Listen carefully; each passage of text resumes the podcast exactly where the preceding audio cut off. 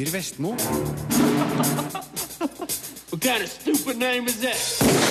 Spotlight er en viktig og engasjerende Oscar-vinner. A Bigger Splash er et underholdende drama med strålende skuespill. Ten Cloverfield Lane holder deg på pinebenken med spennende sci-fi. Carol er elegant og sofistikert om forbudt kjærlighet.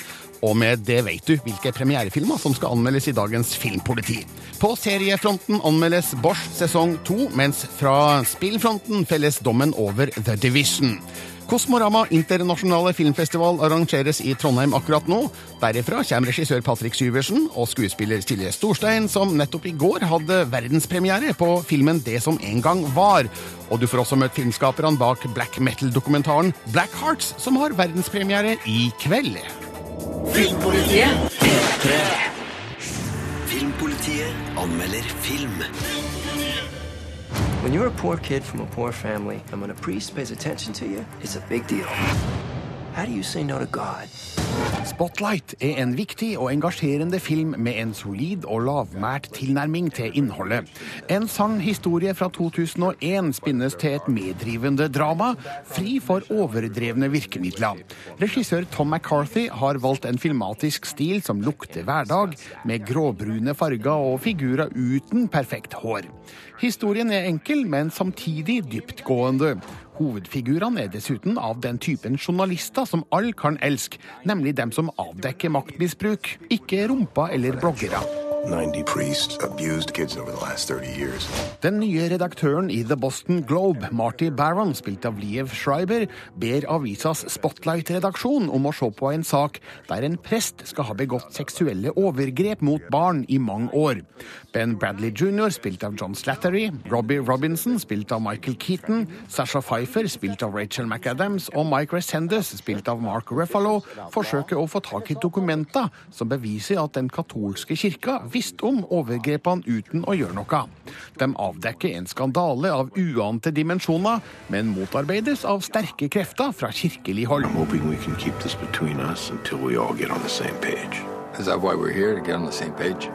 Det er veldig lett å plassere sympatien her. Maktpersoners seksuelle overgrep mot barn er omtrent så utilgivelig som det kan bli, og den katolske kirkas forsøk på å dekke over saken er sjokkerende. Sånn sett er det lett match for Tom McCarthy og hans medmanusforfatter Josh Singer å vekke publikums sympati og lojalitet til hovedfigurene. De dyktige skuespillerne gjør til gjengjeld en god jobb med å fremstille dyktige pressefolk som ikke er ute etter heder og ære, men å fungere som engasjerte og velmenende vaktbikkjer.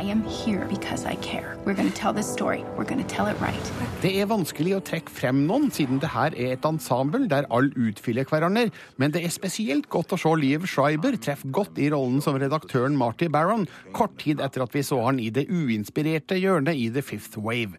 Stanley Tucci gjør et godt innhopp som humørsyk advokat, og Mark Ruffalo får én sterk scene der figuren hans gir uttrykk for det sinnet vi alle føler etter de sjokkerende avsløringene.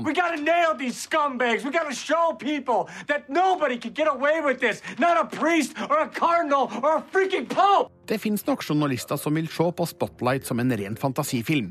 Å være i en redaksjon som kan jobbe i månedsvis med én sak, er mildt sagt en utopisk situasjon i dagens medievirkelighet, med høyt produksjonspress og daglige deadlines.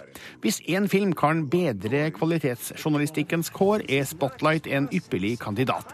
Det her er et velgjort, engasjerende og dramatisk stykke filmkunst som gjør inntrykk. It could have been you. It could have been me. It could have been any of us. Terningkast 5 Filmpolitiet. Dette er P3 Du, da? Eller Eh, det går fint. har du møtt noen spennende mennesker, eller?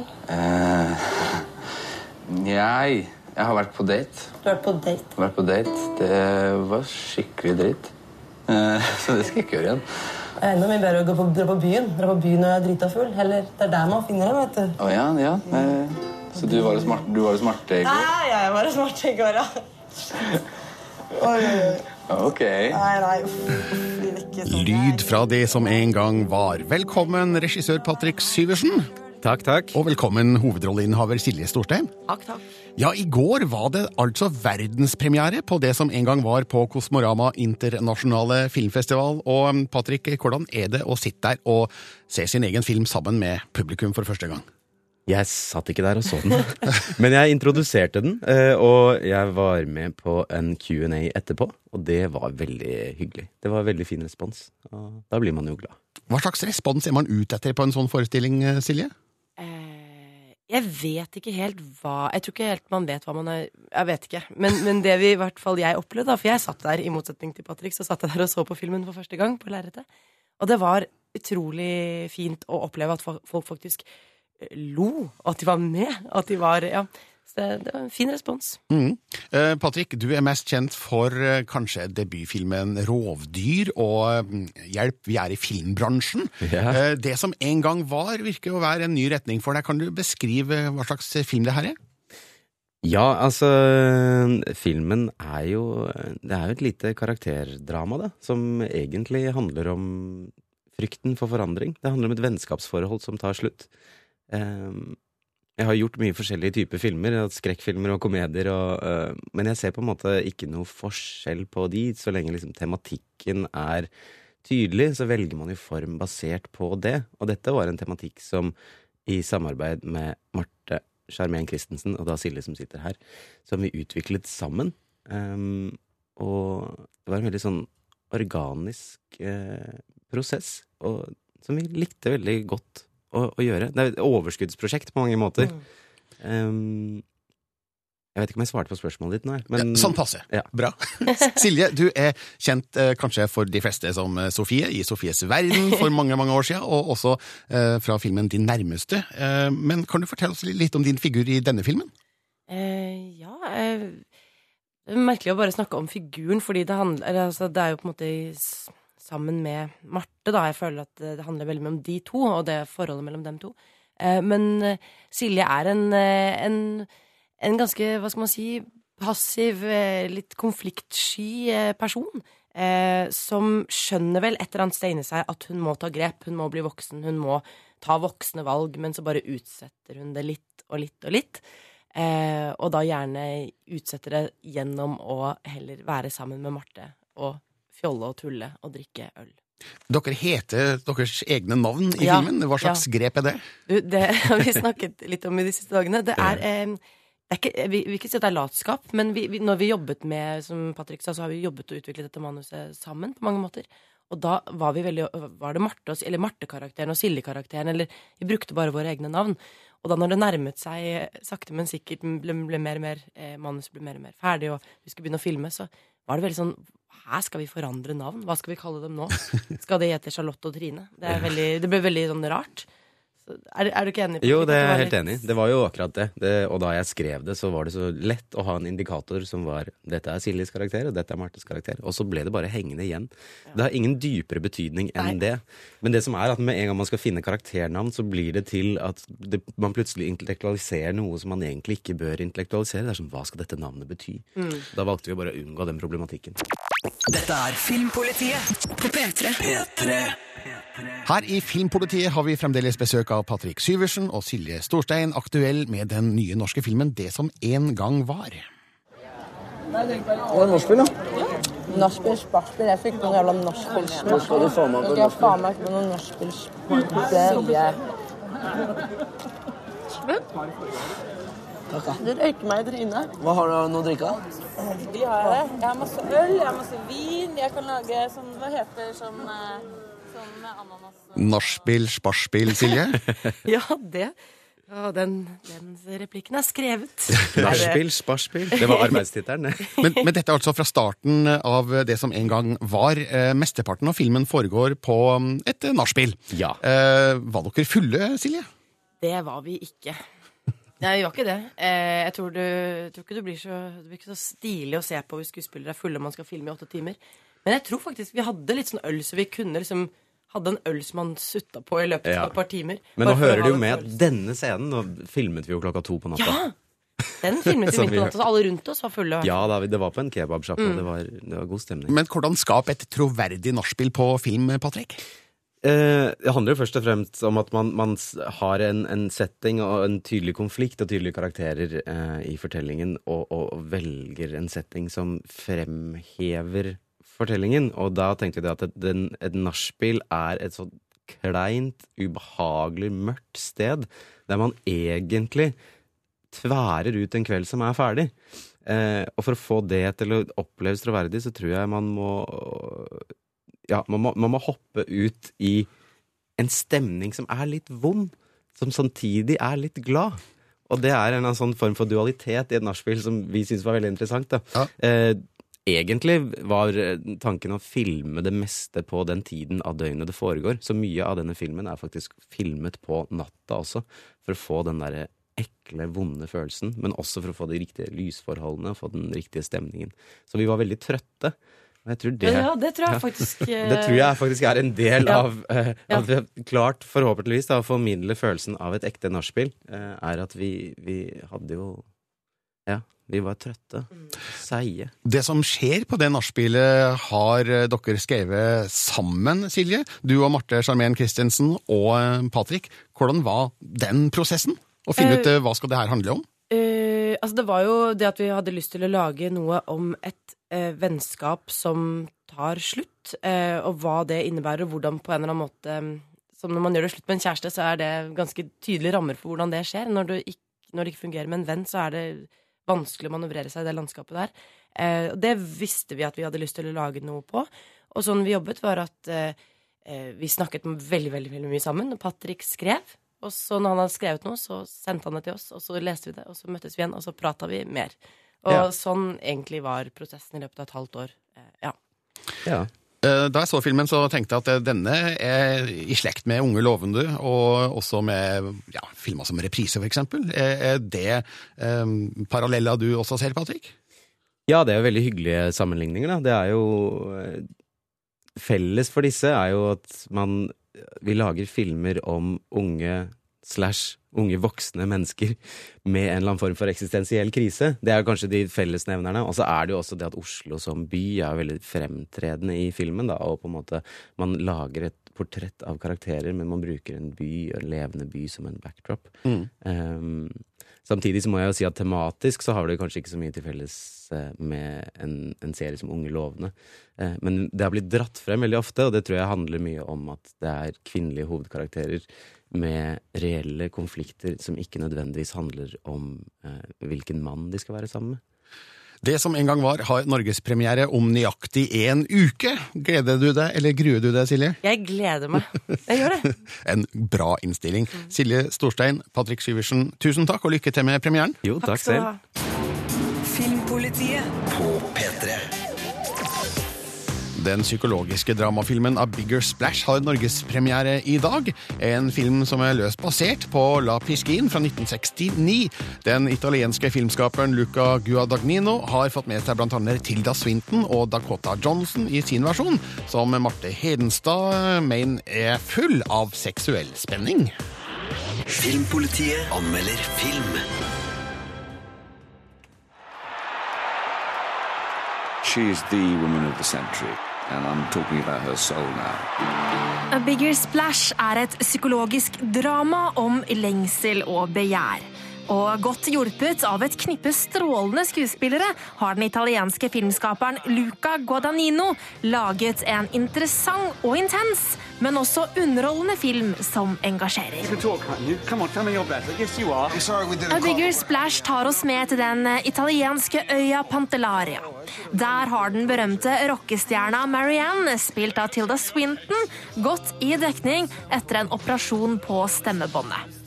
Sammen med kjæresten, filmskaperen Paul, spilt av Mathias Schønatz, lever hun late dager i solen, helt til de plutselig får Mariannes tidligere produsent og elsker på døra.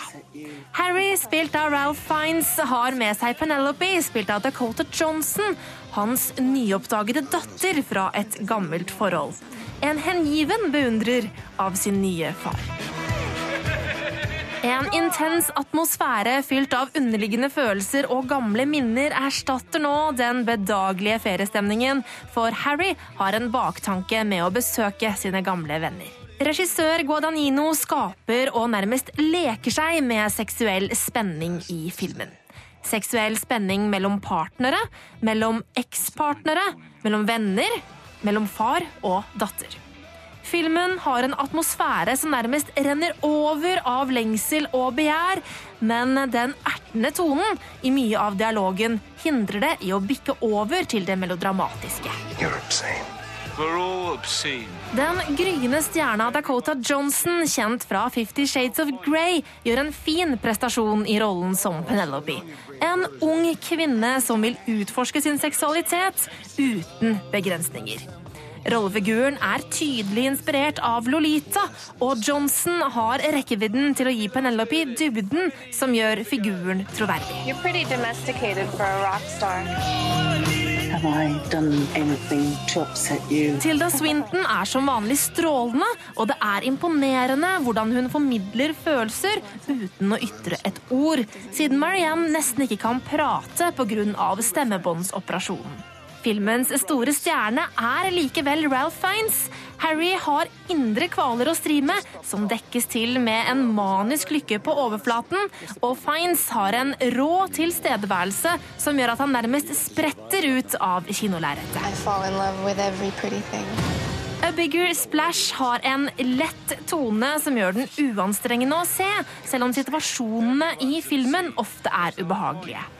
Luca Guadagnino kunne kanskje gravd dypere i dritten ved flere anledninger, men da hadde A Bigger Splash blitt en tyngre film, og nå er den akkurat passe lett.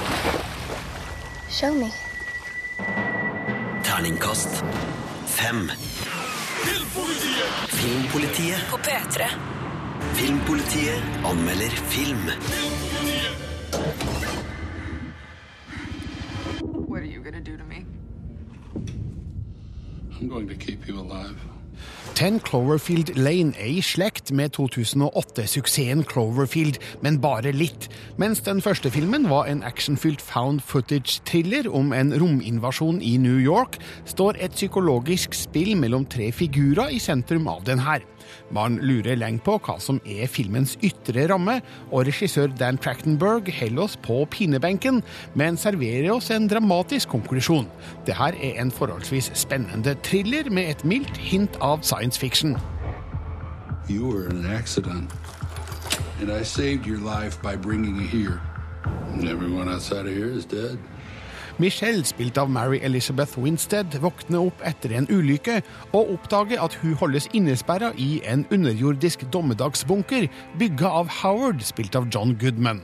Han påstår at et mystisk angrep har gjort lufta på overflata giftig, og at hun må bli der. Michelle tviler etter hvert på historien og overtaler den tredje personen i bunkeren, Emmet, spilt av John Gallagher jr., til å bli med på planlegginga av et fluktforsøk. What was that? Quiet. How do you know that this is real? Det er et sprekt valg av produsentene JJ Abrams og Lindsay Weber å gå fra stor effekt-action til lite kammerdrama innenfor samme univers. Det er dessverre òg en av filmens svakheter. Siden den befinner seg i Cloverfield-universet, skjønner vi at det faktisk foregår noe på overflata, mens det er et usikkerhetsmoment for de to gjestene hvorvidt Howard snakker sant, eller er en splitter pinegal kidnapper. Hadde Ten Cloverfield Lane kommet før Cloverfield, ville det stilt seg annerledes. Your arm. Were you trying to escape? I was trying to get in. Mary Elizabeth Winstead er heldigvis en god skuespiller som formidler en interessant figur med viljestyrke. Jeg tror på hennes modige handlinger. John Goodman spiller også effektivt som ruvende og uforutsigbar bjørn. Det er lett å forstå hvordan han kan holde andre under kontroll. Goodman lar det dryppe hint her og der som kan forklare hvorfor Michelle er til stede i bunkeren i det hele tatt. 40 feet underground. Three years worth of food and water. Regissør Dan Trachtenberg og fotograf Jeff Cutter har fått mye ut av det lille de har av spillerom i bunkeren. Jeg får den innestengte og klaustrofobiske følelsen som det er meninga at man skal kjenne på.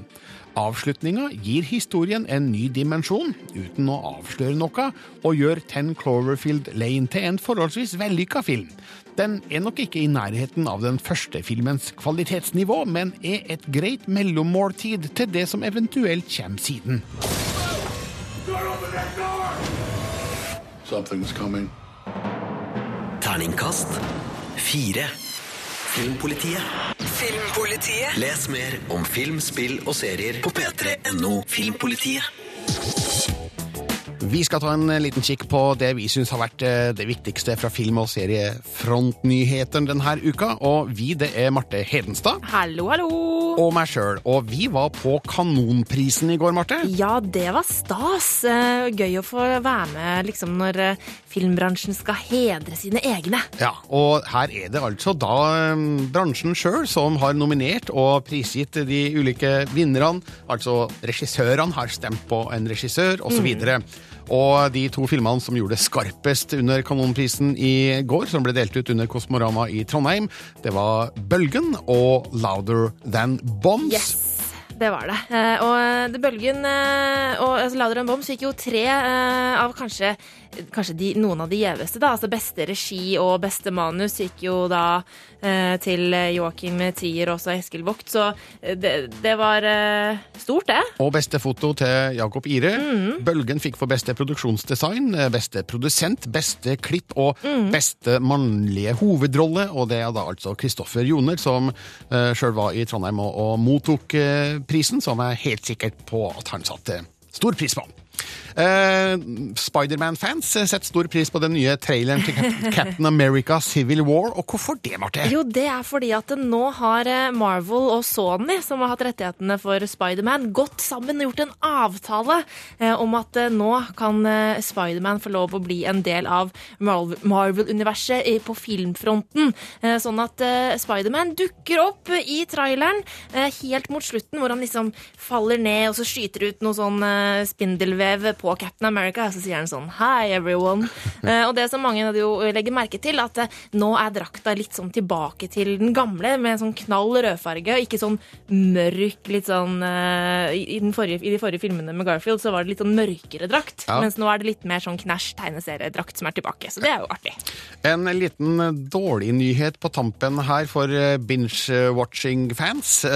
Altså, um, jeg leser på Berlingske Tidene, den danske nettavisa der, at eh, binge-watching kan være farlig for deg, rett og slett. Ja, rett og slett. eh, Og jeg syns det, er- morsomt å, lese på dansk. Derfor her står det eh, Det kan skamme være ferdig med det der seriefroseri. Eller binge-watching, som det heter på engelsk. Dette står det. var sikkert perfekt Ja, dansk, måte. Ja, jeg er dritgod i dansk. Men, men altså, det er jo Er dette egentlig en nyhet, sier jeg? Altså, alle må jo skjønne at det er jo ikke sunt å sitte timevis foran TV-en hver dag. Men det er altså University of Toledo som har gjennomført en undersøkelse med 408 tilfeldige Mhm. utvalgte personer, hvorav 35% av dem betegna seg sjøl som eh, binge-watchers. Yes. Og eh, konklusjonen på den undersøkelsen er at det er en sammenheng mellom binge-watching og dårligere fysisk og mental helse. Ja, øh, og så kan man jo, Men det som denne undersøkelsen her ikke sier noe om, er jo hva kom først? Binge-watchinga eller latskapen som gjør at du har dårlig helse. Så jeg vet ikke helt, altså. Eh, Jeg, jeg sier fortsett med den binge-watchinga. Det går bra. Filmpolitiet. På P3. Harry Bosch er en klassisk hardkokt LA-etterforsker som er helten i rundt 20 krimbøker skrevet av Michael Connolly. I fjor fikk Bosch sin egen TV-serie. Den likte vi i Filmpolitiet veldig godt, og i morgen har sesong to av Bosch premiere på HBO Nordic. Kollega Sigurd Vik har sett de to første episodene. Filmpolitiet anmelder TV-serie. There is a random feel to the city. Each night secrets are revealed. Bosch er en serie som dyrker den klassiske storbykrimmen, og lykkes usedvanlig godt med det. Los Angeles kommer til live som en mørk og stilig jungel, full av gamle minner og intrikate forbindelser i alle ledd. Ei perfekt sandkasse for vår etterforsker Harry Bosch, som spilles knakende godt og bitende hardt av en glimrende Titus Welliver. Det her er kanskje ikke alles tekopp, Både den tørre humoren og de korte og overtøffe replikkene er en smakssak som kan tippe over for noen. Men hvis du er disponert, så er Bosch en serie som gir en perfekt tjuvstart på krimhøytida. So what's going on? It's a classic mob hit, Harry.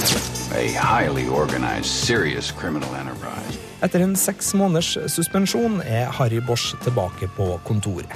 Fremdeles med elendig tålmodighet for udugelighet og veike sjefer, og fremdeles med en velutvikla nese for effektivt detektivarbeid. Et lik i bagasjerommet på en dyr bil sender Harry og partneren på sporet av pornoindustrien og mafiaen. Igjen er det de rike plottene som gjør Bosch til en magekriblende god krim. Ringene sprer seg raskt utover vannet. Denne gangen krydres historien av en merkelig FBI-innblanding. Spor tilbake til da østeuropeisk mafia starta opp i LA, og en eh, ja, karriereglad sjef som ikke vil grave for djupt. Try to stay clear of whatever this is. It's above both our pay grades. There's a limit to what you can let slide, even her. Er en serie som er bygd på sjangerkonvensjoner, men den føles aldri slitt eller for karikert. Bosch er rik på Hollywood-referansene, på noir-virkemidlene og den stemningsskapende jazzen. Dette er et Los Angeles som spiser gode intensjoner, og som syder av nattens hemmeligheter. En sånn by er skapt for vår helt. En mann som skinner som den arrogante underdogen, hardkokt, lastefull og med et velutvikla moralsk kompass. Så når politikken og overklassens fasader blokkerer rettferdigheten, og nakkehårene våre reiser seg i irritasjon, så er det godt å ha Harry Bosch på laget.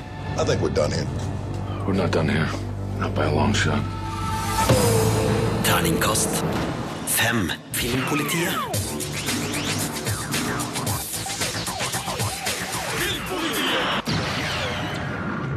Jeg sa i morgen kveld, men det er faktisk i kveld at den nye norske dokumentaren Black Hearts har verdenspremiere under Kosmorama internasjonale filmfestival.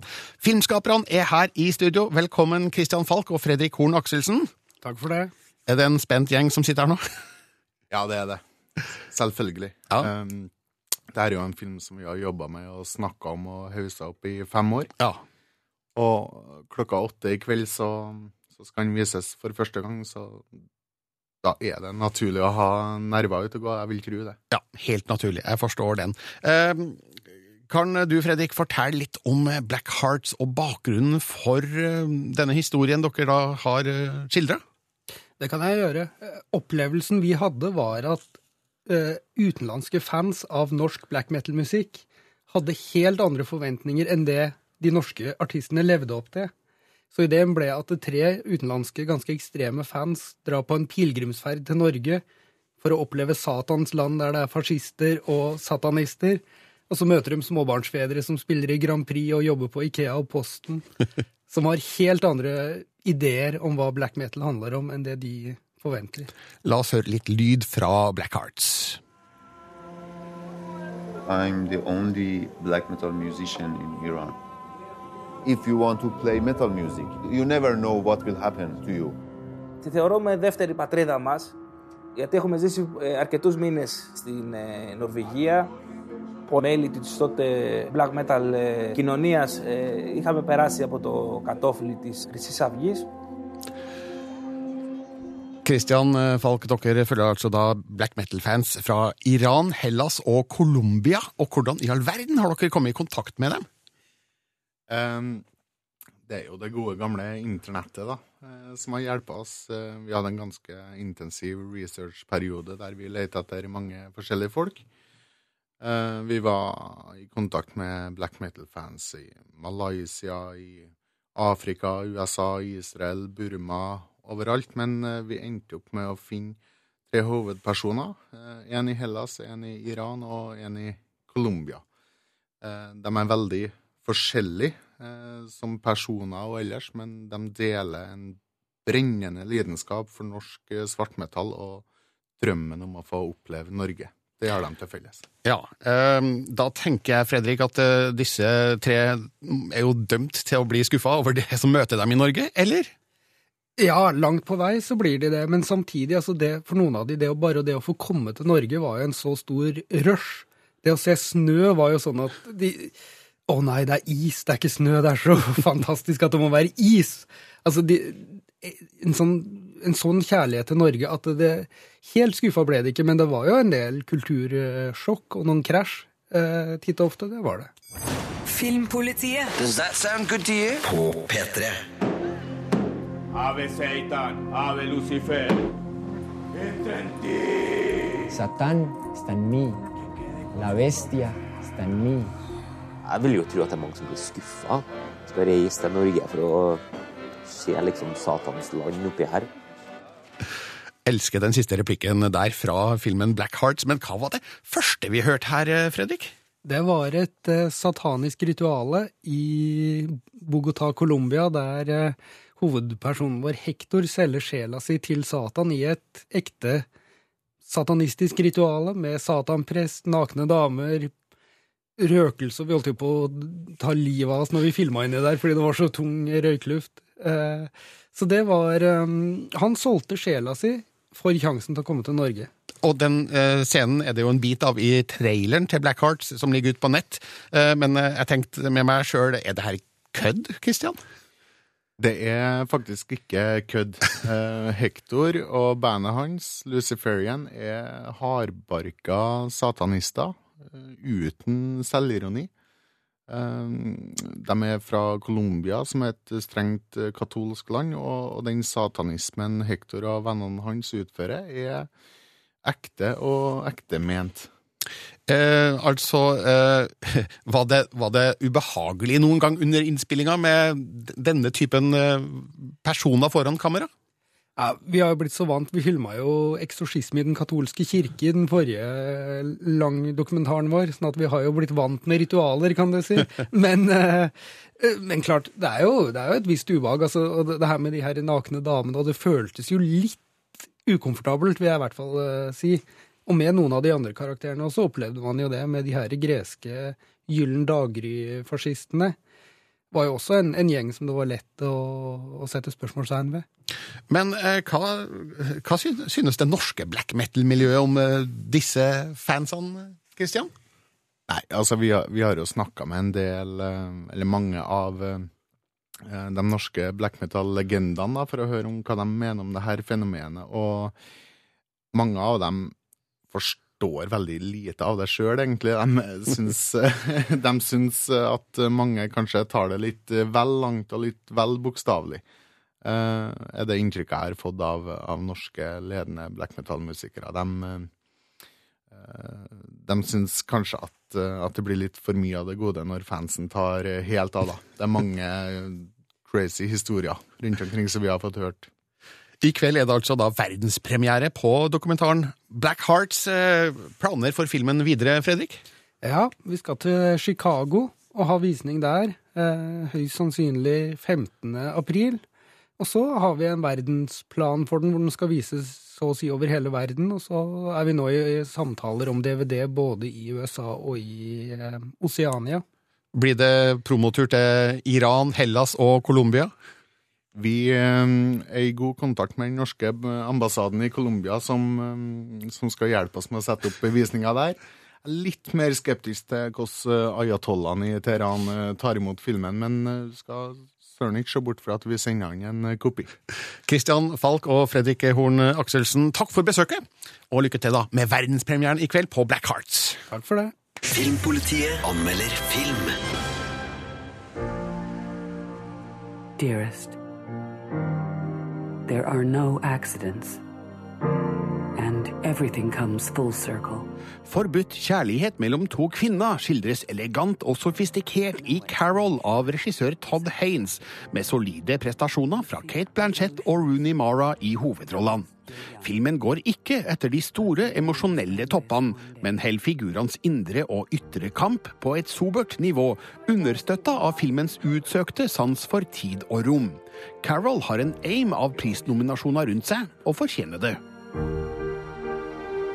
How many times have you been in love?